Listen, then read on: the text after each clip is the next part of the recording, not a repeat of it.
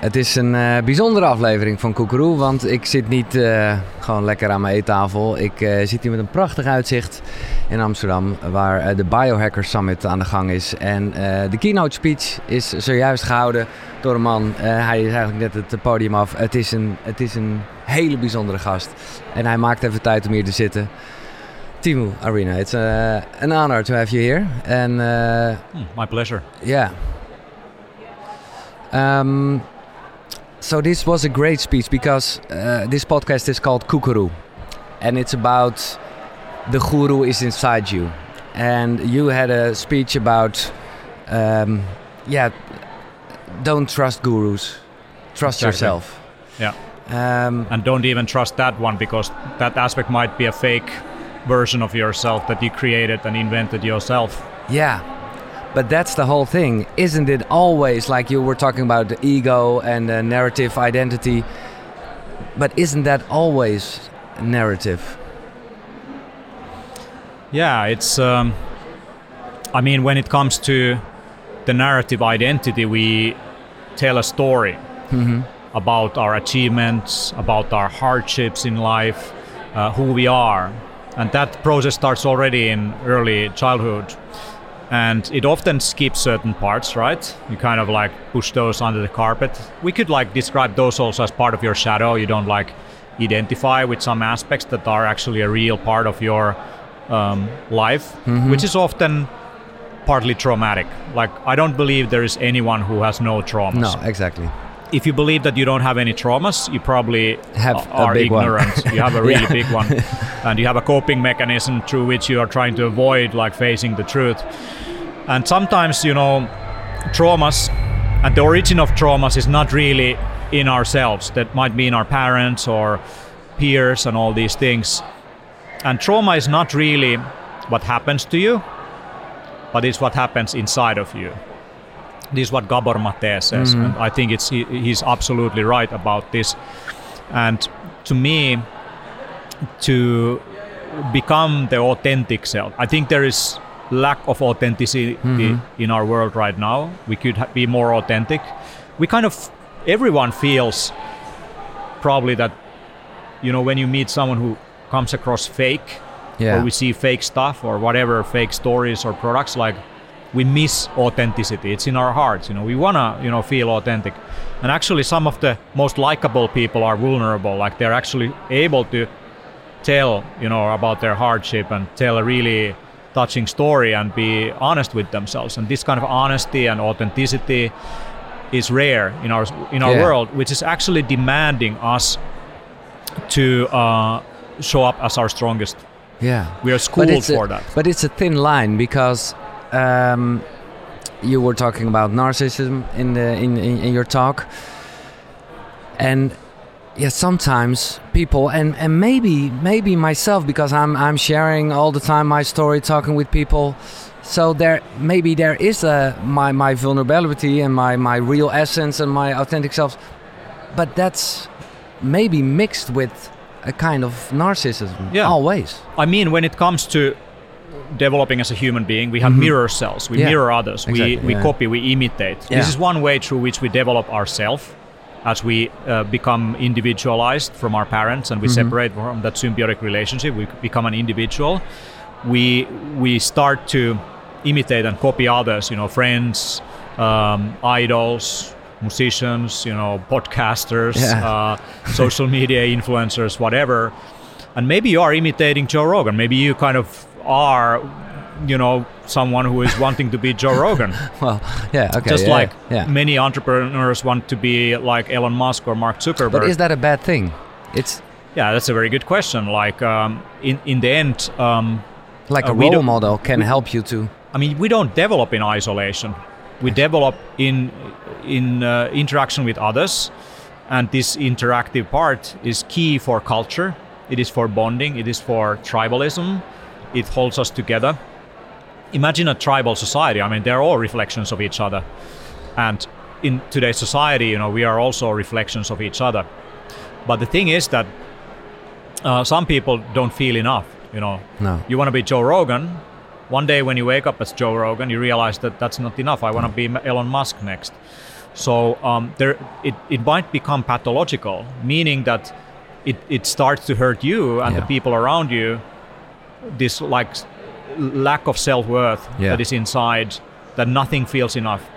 There, there is one uh, pretty famous uh, life coach, personal development coach in the country where I come from.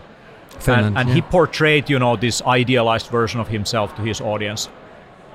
And he did all the ice baths and he did all the breath work and woke up early and had all the butter coffees and did, you know, all these biohacks. Mm-hmm. And I had the opportunity to stay at his place for a few weeks and I saw what it's really all about. That guy didn't sleep, like he had like insomnia, sleep problems, wow. and he was famous for um, waking up early and having coffee. Yeah. So the truth was, he didn't sleep and wake up at 5 a.m. to make the coffee. He actually didn't sleep at all. And the fact that he was awake, he decided to make a social media post. Hey, you know, it's 5 a.m. You know, yeah, just rise it's, it's, it's time to run, run after your dreams. And then he would, you know, make posts like, uh, okay, you need to educate yourself all the time, right? So he would like just sit in the sofa and watch television and uh, drink beer, and then he's like, okay, I'm gonna make a post now. So he takes a book out of the bookshelf, oh, wow. browse it, finds a page, makes a post. Yeah, every day you should read a book. You know, I read one book per day. He would post that online. That's pathetic. And that dude, like, he actually like completely collapsed. Like, uh, he went into a cycle for half a year where he couldn't sleep. Like, he was like, he had like chronic fatigue, all these things.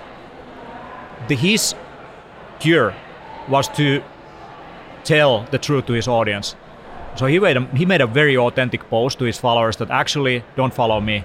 Like uh, I can't keep up, you know, the character I created. Um, we all have, you know, these these kind of weaknesses and insecurities, yeah. and I know many of you like think me as a role model, but you don't want to be me. And that's the same but Why? then again, it's like an hero's journey. It, it, it's still a yeah. hero's journey because even this bad part exactly. is, is a good part. Exactly. Even though like he's kind of like Elon Musk when a child in the audience asks like, "How can I be like Elon yeah, Musk?" Yeah. Elon Musk tells like, "You don't want to be me."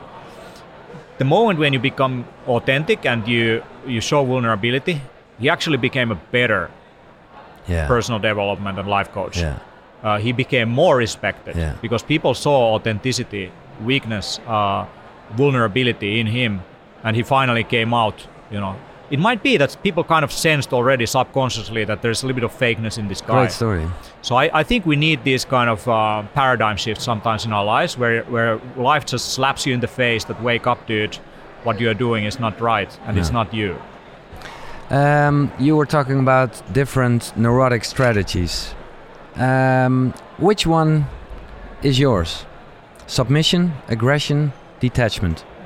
Well, I'm definitely uh, uh, now. Is, now comes the narrative self. Okay, uh, I tell a story of my life.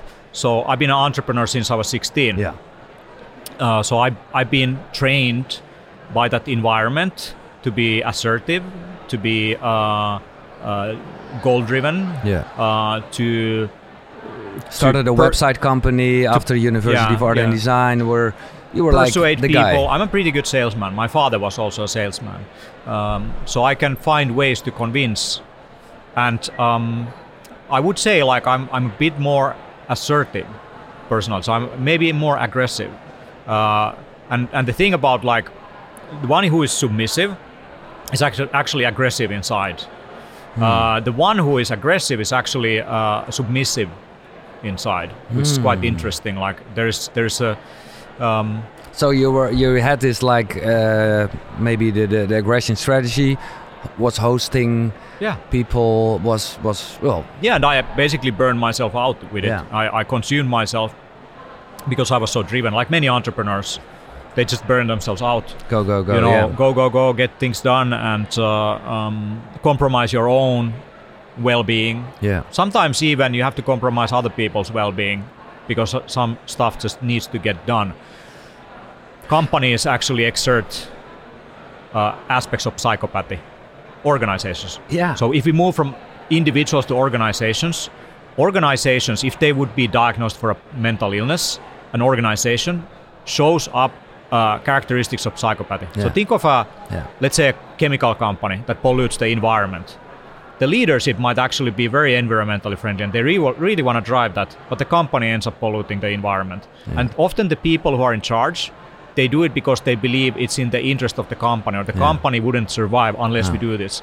It's the same story for um, wars also. Why soldiers uh, follow orders? They believe, you know, it's the uh, it's my duty or it's it's in the interest of the country and it, it, it starts to like this collective action starts to exhibit these kind of uh, psychopathic traits of uh, no compassion at all no.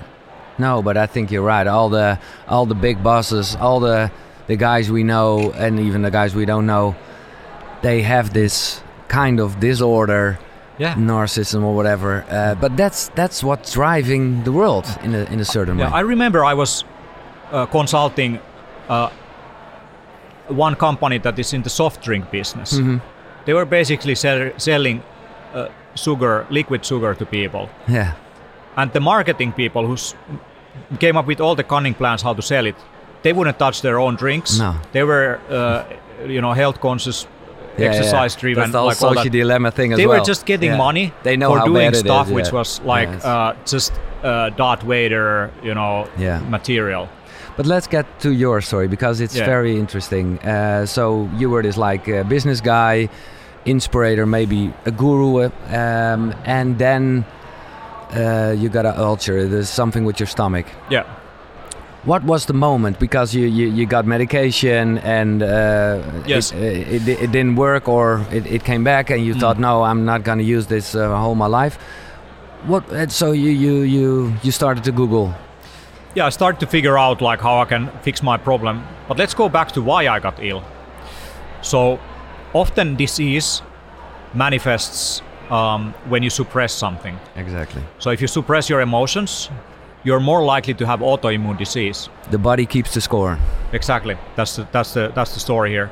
Uh, if you act out strongly all your li- like you're not submitting, but you're the aggressive type. Yeah. Uh, you're more likely to have hypertension and get heart attack. Uh, you have actually strong immunity because that actually strengthens our immunity. It's like aggressiveness and assertiveness. Mm. If you're a submissive person, you're more likely to have uh, uh, weak immunity and you get sick easily and you have autoimmune disease. You're kind of, if you hold these things inside of you and you don't deal with your problems, your body will, you know, ex- express those. So that's how I got ill. And in the end, now that I think about it, most of my interventions were to go back into um, recognizing my problem and also uh, coming up with behaviors that were the opposite of what I would normally do. Mm-hmm. Like for example, previously I wouldn't sleep. I would just like work for uh, work late yeah. night and make PowerPoint presentations. I would just go to sleep, yeah. even if feels like the world is collapsing, and and sleep well. So I, I just made sure I'm I'm doing the opposite of what I was doing, and also I was like very honest about the fact that I didn't really enjoy partly what I was doing. And that's the thing, you know, many people they just do some stuff and deeply inside they don't actually enjoy doing it.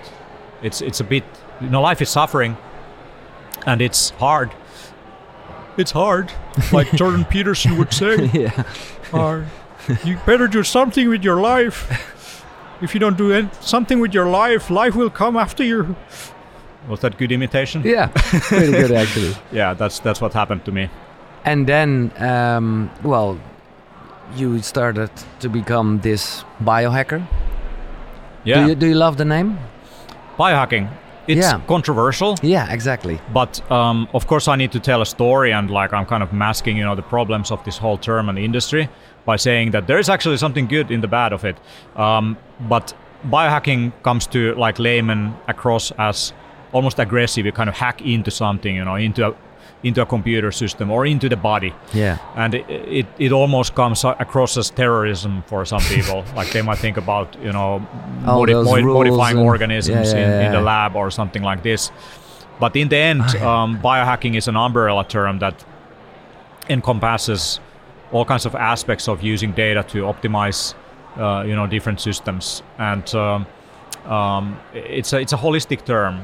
You, you could say like holistic health practices are part of biohacking, but also medical practices are part of biohacking. It's when it's like driven by a hypothesis you're yeah. into biohacking, like you have a very clear idea why you're doing what you do. Um, and uh, the idea of hacking uh, comes actually.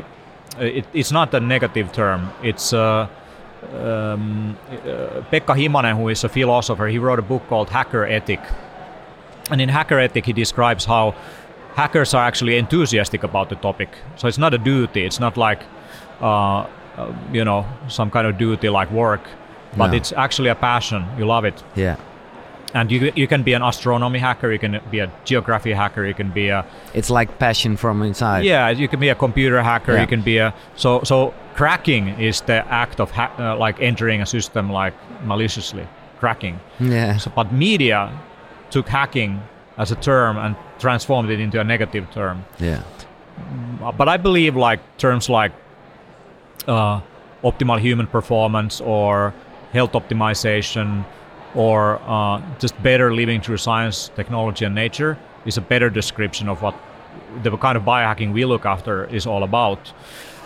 Uh, it's understanding that we are never complete. You can never achieve an optimal or ideal. It's the pursuit of it. It's but it's in a way of it's already good enough because that's the whole Correct. point. Yeah. That a lot of people, and I think you know them all. Yeah. Uh, it's it's becoming like. Uh, uh, like like a church and with Indeed. rules and then there's more stress and then mm. well there is the Pareto's law Italian mathematician like the 2080 rule that 20% of work is done by 80% of people and 20% of people own the uh, wealth of the world and so on like this 2080 rule shows yeah. up everywhere so the question is like how do you figure out what is the 20% that will uh, result in 80% improvement in your life but the problem is that people actually spend their time on the 80% that only produce 20%. And to live optimally in terms of health or performance, like it's not about working eight hours or 12 hours or 16 hours. It's not a competition on that front at all. It's about it's not about um, efficiency. It's about effectiveness. Uh, so instead of just doing things right, you do the right things. If you do the right things, you don't need to work that much. And as a leader, I had to learn to let go a little bit of my ego that I'm the best one to do something. I need to delegate and I need to tolerate weakness in others. I need to tolerate the fact that I feel I could do this better. Yeah. And this has been very humbling for me. And I learned that actually this makes things work better in the end. That I, my idealization of my own efforts and abilities is actually wrong. In the beginning, it might be like, you know, someone else might do this podcast, you know, interview even uh, a bit more poorly. Uh, but they might actually develop to become better than you. Yeah. And maybe you just want to run the marketing for this whole thing. Who knows? Like, uh, how do you let go of the identity that you created yourself, that you're Joe Rogan? You don't need to be Joe Rogan. You no. can actually create a podcast where every episode there is a different person who is just the right one to interview the guest, mm-hmm. is doing the work. Yeah. But in the end, your followers are like um, um, identifying this podcast with you. So they're expecting you to be behind the microphone. So you become basically the slave of your audience. Yeah. What they expect this to be, right? So yeah, yeah, uh, yeah. It's, uh... and if you have guests that are not interesting or, or are not in line with what you have done in the history, they will let you know. And this is called the looking glass effect. Yeah. You are extremely conscious about the fact that other people are watching this or listening to this. And you will modify your behavior to um, basically attend to their needs. Yeah. And those needs might not be your needs at all or your interests. Yeah, and well, I'm become, become blind to this. Yeah, yeah. Well, I hope I stay sharp.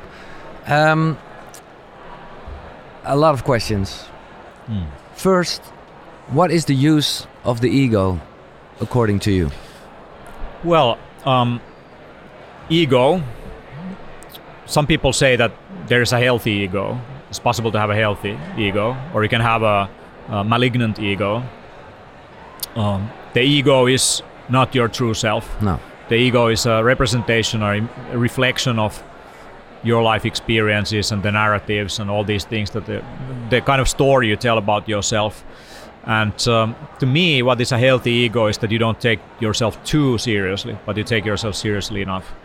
Yeah. And I but is there a use? Because I'm really into the Course of Miracles now. I don't know if you know it. Uh, and then it's all like the ego mm. it's about fear and it's uh, so just stay to your true essence, and then you have the power of, of, of love. Actually, yeah, it's it's really about understanding that the self is a reflection of interactions with others, and you you can't exist. You will actually die without others, or the ecosystem, or the plants, or the animals, or other human beings. You need them, but very easily, you know, we become separated from others. We mm-hmm. create a little bit of distance, even. Uh, we create a little bit of competition. Um, we need to, as society, we need to move from competition to collaboration. How we get things done to understand that we are actually a global village a tribe, global tribe that needs to work together to make mm. sure that we don't destroy this planet, because it's a uh, kind of a malignant ego. Uh, does things for itself only. Yeah. Doesn't think about others. It's only about your success, or it extends only to your family, or only to your company. But how do you as work long as with my, that? My my my people are good. It's about understanding that we are all the same under the sun, and uh, it's it's a hard concept in the end because there's a tribal aspect that we compete with nation states and borders and of resources and all that. And there's this whole separation of us and the others. But to understand that the others are us as well, uh, to understand that every human being is actually you, that we are kind of part of the same universe and we are experiencing yeah. it from different point of view, just like a hologram. Every is that piece. what spirituality is for you? The, in the, the end, in the end, like if you think about what enlightenment is, like what what is the goal of enlightenment? You know, the, the kind of teachings very patiently start from the point of view that you let go of material possessions, you focus on the moment, become utterly aware of the present moment and about the illusions uh, that what you experience is uh, a reflection, that you are just not experiencing things directly, but it's a reflection of it, and there's a divine behind it, there's a veil in front of which you are like uh, minuscule, but um, at the same time, when you feel like you have nothing, you have everything. Yeah, and, and this is, is the like universal consciousness in a way, like we are all part of the larger whole, and it's it's easy to describe, right? But to actually come to the realization, to have this moment uh, where you are like, oh my God, this is this is actually true. It's kind of like it's easy to say that hey, stay in the moment, but most of our pain and suffering comes from the fact that we actually live in the past, or we are anxious about Worrying, the future yeah. and worry, and we are afraid of death but if you accept your demise, you accept death, you accept the fact that everything you see right now is a reflection, it's not real. Um, only what is real is your experience of it, but that's that's not that's also like a, a synthesis. Yeah, it's a point of view, and in the end, everything you love, everything you have, will transform. You will not lose it, but it will transform in a way. You will also transform into something else, uh, and that's where we get into religion. Like what happens then? Like um, maybe we can be very uh, possessive and narcissistic about you know our souls and uh, like true aspects ourselves that it somehow like survives you know the violent uh, demise of your physical body yeah i think that's also like a narcissistic uh, coping mechanism actually to believe that you will f- live forever in one in a in a way because you have no proof right you have to take a point of view you have to believe so it's it's actually a way of like soothing yourself Religion is a way of soothing yourself in face of unknowns. When shit happens, uh, people turn into religion mm-hmm. because they have no way to describe it, so they uh, they they rely on authority. Yeah, to grab. And the authority, uh, yeah. it can be a guru. Yeah. Uh, but it can also be, you know, something we describe as God or or Father or yeah. you know the the Great Spirit or whatever. But what if it, if all of that is an illusion? It's only a story you tell to yourself to suit yourself to deal with the fact that you will die, and and uh, even this moment you don't have proof that this is real. No. This might be a simulation. You might be uh, someone's like uh, uh, cunning dream, someone's computer program. And this is an interesting idea also, and that also is a religious idea. That is also exactly. a way of like explaining away the fact that you don't know. That's how how, uh, how we started, isn't it? All like a narrative. Uh, yes, yeah, it is all. And how do you train uh, yourself? I'm, I'm, I'm, guessing you're you're training that uh, yourself as well to well to stay in a moment to to. Uh, all of the need to stay in the moment and stay in the body came from the uh, coping mechanisms to deal with adversary uh, me, uh, psychological, uh, physical um, pain or trauma. So um, you can actually escape, you know, the the hardships and the pain of even of the body by going into meditation, by mm-hmm. going into your body and like uh, meditation and relaxing into it and into the breath. And this practice of focus and attention is is very helpful. So one person once said to me, like, if your life is hard and you're anxious and depressed, shorten the time frame. If you feel like you're anxious about one year, just shorten the time frame. Okay, w- one quarter feels better. No, okay, one month feels better. No, okay, one week. Is this week fine? No, okay, one day. Is today fine day? Actually, it's pretty fine day, but there was some problems. Okay, one hour. Okay, one this very moment the next second fine? there isn't a problem yeah yeah so in the end if you like follow that like thought you realize that um, your suffering is your own making.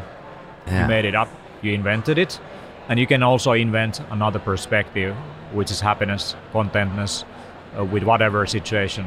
And this comes from the research of Holocaust victims also. They, they thought that Holocaust victims have like very sensitive nervous systems and they are like uh, traumatized by mm-hmm. the experiences. It's true for some of them, but the ones who have been able to overcome that and not commit suicide, uh, they are actually completely fine with what happened. Yeah. It has become a part of them. They integrate that into their story, into their narrative. They tell themselves that I am this because of all that stuff that happened, and actually it was good for me. Can you imagine? Yeah, yeah, yeah. It's it's it's well, Viktor Frankl. I, I, I just I just shared this morning my story of becoming a biohacker. Mm-hmm. From one perspective, my physical trauma, my mental problems, whatever that led me to those physical problems, were a good thing because it created me right here. So in the end, recognizing your shadow and loving your shadow and understanding that might be the best ever thing that happened to mm-hmm. you. This is the truth also for psychedelics. Like it's not the you know grandiose, narcissistic, you know beautiful uh, most amazing trip and experience ever that is the most useful to you, but it's the one that kicks your ass, the one that slaps you in the face, shows you things that you don't want to see, that you feel like you actually died and uh, you were reborn. And from that experience, you can you know approach things with more um, uh, consciousness and with more um, just uh, empathy, yeah. and also towards yourself. And uh, it's the integration then that waits exactly you. because otherwise you will have to use it every weekend yeah. and then it's more like uh, well like a god again yeah. and here comes the dark side of psychedelics you can also become a grandiose psychedelic narcissist exactly psychedelics can become like some kind of sport that you just like perform ceremonies. Mm-hmm. You know, you go from one ceremony to another as if it is like some collectibles. And then you feel the bliss and you know yeah. it all. And yeah, and this fact that you know all, you might develop like this uh, um, spiritual uh, grandiosism or narcissism where you believe that I'm above others. I've seen behind the veil. Yeah. Like uh, other people are below me in some way be, or operating on a lower frequency because I'm now elevated into higher frequency and I yeah. see things. And and uh, uh, actually, the experience that you might experience in this kind of boundary dissolution space is that you start to believe you are God. Yeah. That there's a God within me. You are Shiva. You are Buddha. You are all of these. And um, this is a dangerous path. This is why it's very important that these things and tools are used with um, therapists and with uh, that could be a shaman. Yeah. yeah. Uh, but I believe also modern uh, psychotherapists and uh, psychologists can develop, and, and trauma therapists and therapists in general can develop protocols that are useful. But if you use these things alone on your own to amplify your spiritual or psychedelic narcissism, mm. you actually become more of an asshole. And w- when there is all this, all this research that shows, yeah, it treats depression, you know, and all that, or it was most important experience of your life, that might be just the beginning of becoming more of an asshole. So in the end, you know, um, there's always a dark side yeah. to the light. And how, how do you do it yourself? Because that's, this is the paradox thing that we are talking about this. You are standing at a stage. Well, we just walked here at the summit, and I saw people like, "Oh my God, it's Teemu," uh, yeah. which is which is a compliment uh, for you, and you give inspiration. Thank you. That actually uh, soothes my uh, my traumas, and it actually gives me narcissistic supply. I actually created this conference as a supply for my narcissistic needs, and I was actually thinking about. Uh, uh, I've done, you know, dark factor tests, and actually my narcissism is extremely low, and I'm I'm often, you know, the person who gives more yeah, than yeah, takes. Yeah. But um, even I give my health for this to happen. You know, the, one of the he- unhealthiest thing ever is to organize a health conference. Don't try it. That's a good you, one. You will kill yourself. So, um, but in a way, this can be also a narcissistic supply, and I have to be very. When I walk there, everyone is like stopping me, like, "Great conference, awesome! You know what you done is amazing!" Like, uh, and uh, it's it's a hard work to just stay humble and say, "I didn't do this." It's a collaborative effort. Like uh, I wouldn't be able to do this. It's because of all these great individuals I met. I'm just like, you know, in the center of the whirlpool or the hurricane, trying to assemble a, uh, an aircraft while it's landing. It's hard work, but in the end, I wouldn't be able to do this without others. We need others. But in the end, you know, people want to identify me as the leader of this thing and give me all the credit. But do you have a tool to stay on the ground and not to fly with all the compliments?